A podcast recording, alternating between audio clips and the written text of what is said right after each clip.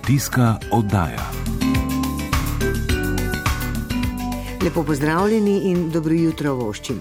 Osrednja tema današnje oddaje je, kot napovedano, posledice, ki jih je na področju ekološke pridelave in trženja prinesla epidemija. Z nami je specialist za ekološko živinorejo pri Kmetijsko-gozdarskem zavodu Nova Gorica, Bogdan Črv. Prav lepo pozdravljeni. Lepo pozdravljeni. E, torej, pri vsaki stvari e, so posledice lahko negativne ali pozitivne, in tudi na tem področju so tako negativne kot pozitivne. Ja, ljudje smo pač že po naravi tako bolj negativni, vsaj običajno. No. Čeprav je že gospod Winston Churchill že zdavnaj rekel, se ni to nova zadeva, večkrat se omenja zadnje čase, da prave resne krize nikoli ne vrzi stran, ne? ker jo lahko vedno uh, uporabiš, tudi pa pridemo porabiš. No. E, tako da tudi pri ekološkem e, trženju ekološke hrane in pri tej pridelavi imamo že takoj nekaj pozitivnih e, učinkov, ki se kažejo pa tudi skozi trženje, ki so pa ponovadi tudi malo bolj dolgoročni. Ne? Mhm. Kateri so tisti, recimo, na prvo žogo pozitivni učinki, ki jih je epidemija Eh, prinesla v to trženje ekološke, ekoloških živil? Uh, ja, deloma se nanašajo uh, na stroške pri kmetih, recimo zdaj bolj govorimo o ekoloških pridelovalcih. Ne? Ker kmetje, ki so, ekološki kmetje, ki so vključeni v to ekološko pridelavo in pa tudi subvencioniranje, imajo tudi obvezna izobraževanja, ki so se jih v preteklih letih udeleževali na posameznih lokacijah, a ne širom po regiji. Letos so bile pa uh, ta izobraževanja preko aplikacije, ne, eh, kar doma, za računalnikom, uh, kar je povzročilo manjšo porabo časa, manjše onesnaženje, manj stroškov. ja. uh, in vsi smo bili na koncu zadovoljni. torej, te pozitivne spremembe pri obnašanju kupcev ekoloških živil so tudi opazne. Kdo se odloča za nakup ekoloških živil? Pravzaprav. Skozi razne raziskave in ankete ugotavljamo, eh, da se kupci razlikujejo pravzaprav po spolu, izobrazbi in, do, in dohodku. Tu jih lahko kar po skupinah nekako izluščimo. Po spolu ogromno več je kupcev uh, ženskega spola, moški bolj redko kupujemo ekološko hrano in to večinoma so bolj izobraženi kupci, pa uh, finančno bolje situirani, se pravi z malo več dohodka. Ne? Torej, izobrazba in dohodek sta v lanskem letu neko postali tisti lastnosti, ki sta statistično značilni drugačni pri kupcih ekoloških živil in tistih, ki to vrstnih živil ne kupujejo oziroma jih kupujejo uh, redko. Potem pa ločimo seveda še te redne kupce, kaj pa. Kdo so pa to? Ja, redni kupci, pogosti kupci in tako dalje, več je telih eh, kategorizacij teh kupcev. Med eh, rednimi kupci so večinoma kupci, ki več dajo na zdravo prehrano, se pravi na kakovost samih pridelkov, teh ekoloških in živil, seveda. Veliko jih je pa tudi teh eh, tako imenovanih hedonistov, ne uživačev, ki kupujejo pravzaprav hrano, ekološko hrano samo zaradi užitka, zaradi boljšega okusa, boljšega občutka. Ne? To je tudi psihologija, verjetno zadaj. E, tako da to so večinski kupci ekološke hrane. To so ti redni kupci, ki eh, nekako ta ekološka živila bistveno pogosteje kupujejo neposredno pri kmetu ali pa na tržnici. Ne? Ja, ti uživači, a ne tako rekoč, pogosteje kupujejo v trgovinah, velik, velikih sistemih trgovskih seveda tudi pri kmetih. Čeprav pri kmetih, pa na tržnici in pa na doma, ne na dvorišču, večinoma kupujejo tisti kupci, ki dajo več na, na zdravo prehrano in pa tudi, ki, ki bolj zaupajo tem, eh, ali pa ki dajo več tudi na, na, na, na sam proizvod in na sam izvor, ki je bilo to pridelano. Uh -huh. e, Telikupci pač pravzaprav eh, celo dobro poznajo prav, prav kmetijo, kjer je bila določena hrana pridelana.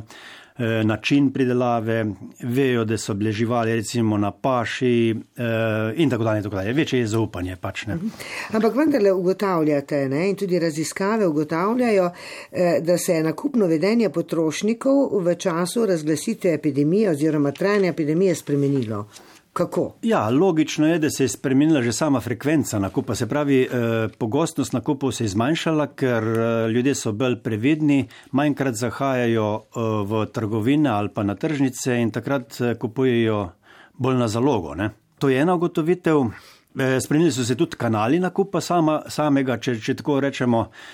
Več je internetnega nakupa ali pa prodaje pač na drugi strani. Čeprav nažalost pač tu nimamo še veliko ponudbe, vsaj slovenske ponudbe, slovenskih e, ekoloških živil. Ne. E, tako da pravzaprav je tista priložnost, ne, katero moramo poznati ne, in ki jo lahko tudi izkoristimo v pozitivnem smislu. Vemo, da so v tem času bile zaprte tudi eh, začasno tržnice, kjer se da kupovati. Eh, in ugotavljate, da so se pač ti kanali eh, preusmerili nekako na supermarkete, ne, na velike sisteme trgovske. Ja, to so pa ti pogosti kupci ekološke hrane, ki so pravzaprav včasih celo na ključni in jih je veliko teh. Ne teli ponovadi kupujejo v, v velikih sistemih. Ja. In teli so se povečali. Ne. Zdaj pa zanimivo, seveda, tudi, da nekateri pač ne kupujejo ekoloških eh, živil. Kaj so pa te glavne ovire, zakaj ne kupujejo, kaj kažejo raziskave? Ja, do, eh, največkrat je eh, vzrok previsoka cena. Ne. Vse ankete kažejo na to, da bi, če bi bila nižja cena, bi se količina nakupov ekoloških živil bistveno povečala. No. Na drugem mestu je pomankanje zaupanja, ker uh, mi smo imeli v preteklih letih uh, en par primerov, uh, en par takih temnih senc, če rečemo tako, uh, ali pa vsaj vrgle so temne sence na ta ekološki trg. Recimo, Dobro, vse, če se spomnimo, recimo tržnice v Kopru, ne, kjer se je našla neka zelenjava, ne, ki pravzaprav ni bila ekološko pridelana. Ne. Tu pa eh, naredi ogromno, ogromno slavega vsem tistim, ki se pravzaprav trudijo, ki imajo certifikat, ki težko pridelajo to hrano. Sama pridelava je dražja, ker eh, je tehnologija drugačna, eh, manjši so pridelki eh, in tako dalje. Tako da to zaupanje je malo eh, padlo. Čeprav še vedno pa vsi kupci najbolj zaupajo doma pridelani, se pravi v Sloveniji pridelani hrani. In to eh, v, recimo konkretno v 77% se odločajo kupci za slovensko hrano, če se le da, če je na voljo ekološko, potem pridejo na vrsto šele Avstrija, Italija in ostale države. Skratka, zaupanje v doma pridelano hrano eh, še vedno.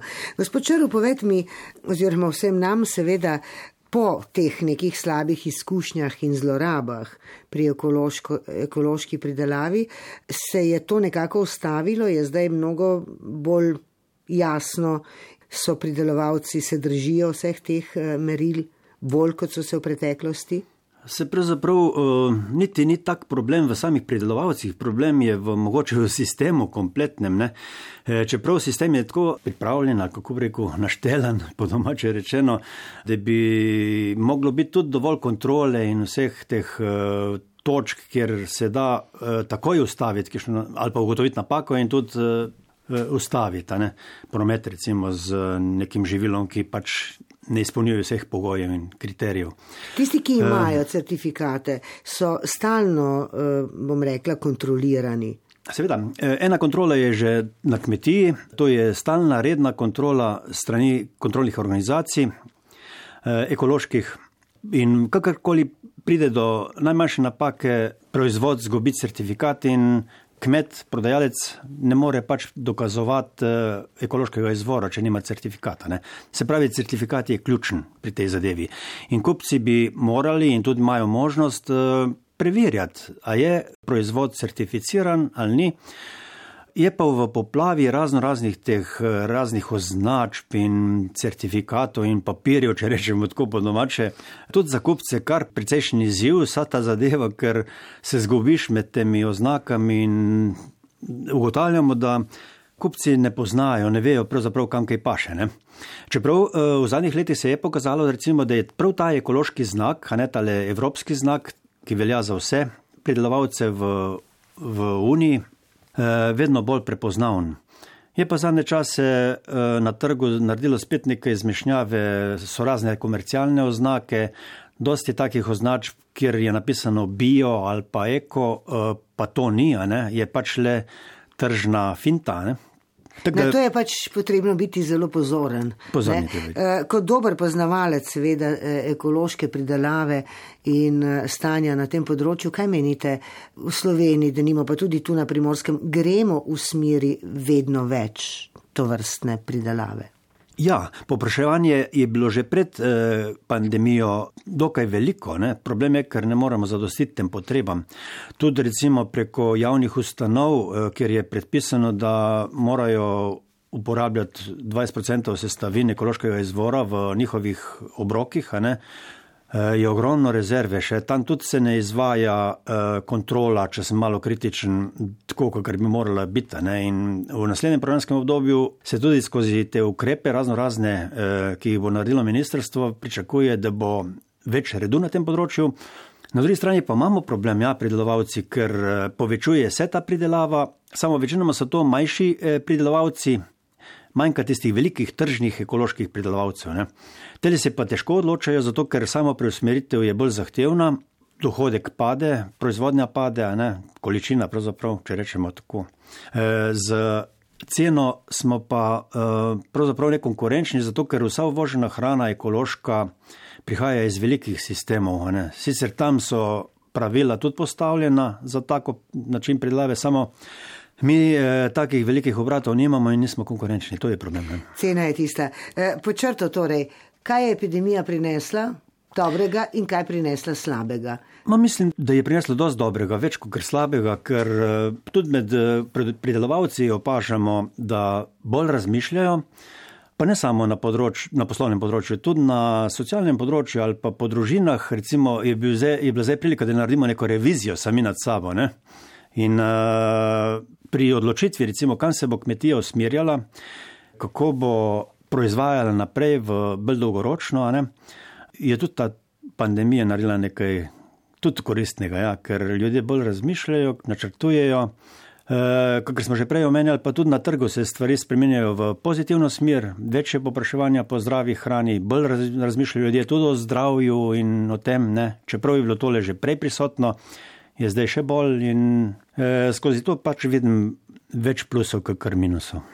Naj tako tudi ostane, čeprav pandemije in epidemije si ne želimo čim prej naj se konča, ampak če je prinesla nekaj dobrega tudi na področju razmisleka o zdravem prehranjevanju na eni strani in seveda zdravi pridelavi na drugi, potem je bila v tem pogledu tudi dobra. Bogdan Čaro, najlepša hvala. Hvala tudi vam.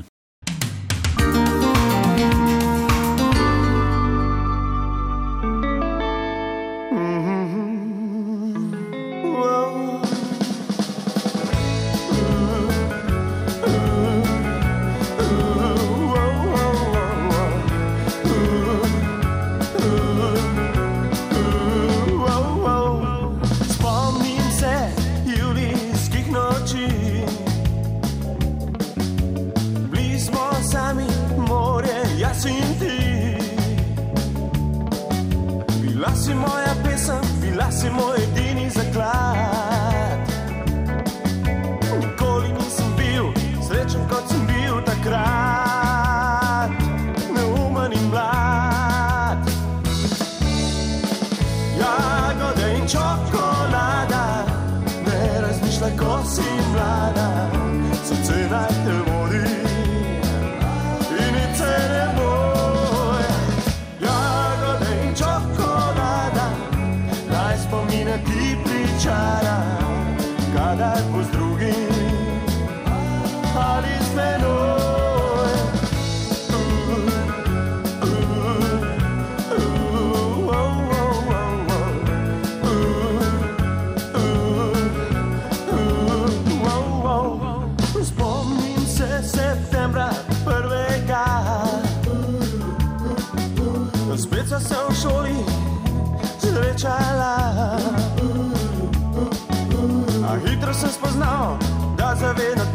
odšla. Tam na šolskem vrtu z drugim se poljubljala, ostal sem sam. Wow, wow, wow. Jagode in čokolada, ne razmišljaj, ko si mlada, srce naj te vodi.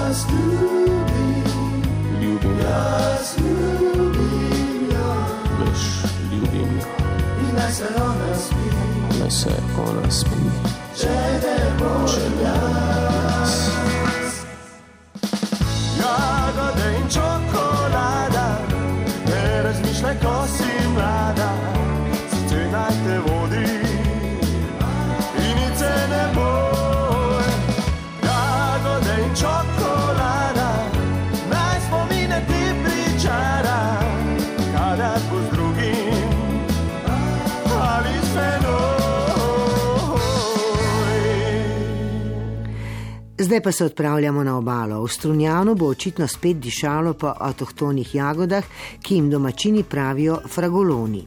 Vrsta, ki se odlikuje po izredni aromatičnosti, je pred desetletji izginila. Po odkritju zadnjih sadik pri enem od kmetov pred petimi leti so jih v Strunjanskem krajinskem parku nasadili v matičnem nasadu. Letos imajo pripravljenih 300 sadik, ki so jih že začeli deliti med domačine. No, ti se še spominjajo, kako so dišale, pa tudi tega, da so jih po morju prodajali tudi v Trst. O tem priča tudi bitva, kjer so privezovali barko, ki jih je vozila čez mejo. Več pa Leja Širok. Lančki sadikami avtohtonih jagod so domačine pričakali tudi na stojnici krajinskega parka Strunjan. Da vam povem po pravici, da me je poslala tašča. Torej, tašča pozna fragolone, Pozna, ker je že leta nazaj je stara strunjančanka, pa so imeli že prej jagode. In zdaj jih boste posadili tudi vi v vašem vrtu ali jih bo samo tašča posadila? Ne, ne, v vrtih bomo dali, tašča bo dala, no. Bolj se s tem ukvarja. Dal jih bom na vrtih, bom posadil zraven hiše. Se vam zdi zanimivo, ker je avtohtona vrsta? E, ja, tudi, tudi, tudi to, ker je avtohtona in uh, zanimivo, da so jo uspeli razmnožiti in ohraniti. Se je zgubilo in zdaj bi rad, da to da imamo doma. Vi ste kar s kombijem prišli po jagode. Uh, tako kaže, ja, vendar ne zaradi količine. Boste posadili to avtohtono vrsto? Bom z veseljem. Sam je spominjen, ko sem bil še majhen otrok, ko smo imeli to neomejeno, dejansko neomejeno v smislu, nismo mogli toliko pojesti, koliko je bilo na njivi. Ne, Slišati ne je, za shrambo, za trenutno zadoščenje lakote. slišati je, da so veliko bolj sladke in da zelo lepo dišijo te jagode. Ja, lete, tle je že nekaj dodane vrednosti, samo to, da so že strunjani. Misel na to, verjamem, da je veliko stvari slajših. Ne. Zdaj stvar posameznika. Ne. Jaz se jih spomnim prvi vrsti kar na njivi, tudi če so bile malo pod zemlje, nič ni škodilo. Druga stopnja je bila, če smo jih uspeli si jih nabrati, smo jih sladkorjem skupaj, to je bilo. Vem, takrat ni bilo verjetno sneakersov, pa ne vem, kaj že duplo. Pa teh stvari ni bilo, ne, uno je bilo bomba, prava. Prava bomba, kot je aromatične strunjanske jagode s sladkorjem poimenoval domačin Igor, pa bo zdaj lahko znova dišala po strunjanu. Preden so jih spet uspeli vzgojiti v matičnem nasadu, ki ga je uredil strunjanski krajinski park, je preteklo kar nekaj let. Direktor parka Robert Smrekar. Ja, že leta 2016 uh, smo na območju parka pri enem domačinu našli nekako en ducat rastlin uh, te avtohtone stare vrste. In uh, skozi vsa ta leta nam je uspelo vzpostaviti matični nasad, in končno smo v stanju sadike med domačine tudi razdeliti. Koliko ste jih predvideli za razdelitev? Okvirno 300, eh, nekaj seveda jih eh, imamo še na zalogi, zato da lahko ohranjamo matični nasad, tako da upam, da bomo lahko tudi v bodoče vsako leto nekaj rastlin podelili med domačine. Naš cilj je namreč prav ta, da se v Strunjanu spet vzpostavi vzgoja te stare sorte, ker je tipična za ta kraj, in v bodoče načrtujemo razširiti to prakso tudi na artičoke, ukolikor nam bo uspelo za prijavo las projekta. Pri pripravi te avtohtone vrste ste sodelovali verjetno tudi z drugimi ustanovami. Kdo vam je pri tem pomagal? No, sigurno je šlo za znanstvene raziskave z Univerzo za Primorskem. Sredstva so bila zagotovljena v okviru sklada kmetijskih zemljišč in gozdov. In tudi v bodoče, ko bomo sodelovali na teh področjih, si seveda pomagamo z zunanjimi strokovnjaki, ker je treba kar nekaj laboratorijskih analiz upraviti, da se ugotovi, ali gre dejansko za avtohtono staro sorto ali ne. Rekli smo fragolon, po čem pa se razlikuje od drugih jagod? Torej, občutljivejša je jagoda od tistih, ki jih najdemo običajno na, na policah v trgovini. Nekoliko so manjše od vzgojenih uh, jagod, so pa izredno dišeče in okusne. To pomeni, da so res nekaj posebnega. Znano je namreč v Strunjanu, da je svoj čas cel Strunjan dišal po jagodah, prav iz tega razloga. Torej so zelo, bom rekel, primerne za uporabo, če se lahko tako izrazim. No, vidim, da bo zanimanje veliko. Ljudje prihajajo, še preden se je sploh uradno začelo razdeljevanje, delili jih boste za stojn. Ja, vsakemu prebivalcu oziroma krajanu, ki prebiva na območju parka, smo obljubili po, po dve sadiki, toliko jih imamo na voljo, nekako okvirno po evidencah, koliko je prebivalcev na območju parka. In ja, zastojn, seveda, naša želja je, da se to stimulira, da imajo krajani možnost to posaditi doma in seveda upamo, da bojo se prijele sadike. Tako, to bomo pa videli, seveda, še to pomlad, verjetno. Ja, zdaj je pravi čas. Naš sodelavec, če ga lahko tako imenujem, Silvano Knes, ki je skrbel vsa ta leta za matični nasad, nam je zagotovil, da je zdaj primerni čas za presajevanje. Tako da jaz računam, da bo akcija uspela. Povemo še, da so včasih strunjanske jagode odhajale tudi v Trst. Strunjan je bil neke vrste vrt Trsta. Domačini so pridelovali ogromne količine zelenjave, ki so jo potem, tako kot jagode, seveda, prodajali drago v Trstu. Strunjanska zelenjava je bila zelo priznana v Trstu. In domačini so po plovilih, po kanalu Roje, potem peljali to zelenjavo na, na tržnico in mesto, kjer, se, kjer so se ta plovila privezovala, je še danes ohranjeno. Mi se z občino Piran, ki je lasnica tega dela nepremičnine, dogovarjamo za menjavo zemljišča, radi bi to bitvo ohranili, jo primerno tudi označili in obiskovalce na ta del, bom rekel, zgodovine Strunjana še posebej upozorili. Povemo še, da bitva stoji na desnem bregu potoka Roja, po katerem je priplula barka, ki je sladki tovor vozila v Trst. Zaradi aromatičnosti so po strunjanskih jagodah še posebej popraševali tržaški slaščičari. Jagode, jagode, koma jih čakamo vsi, ampak potrebno bo še malo počakati. Za danes je to vse, želimo vam lepo nedeljo in praznike. Ingrid Kašca Bucik in Igor Valentinčič. Ponovno se slišimo čez teden dni, dotlej pa srečno.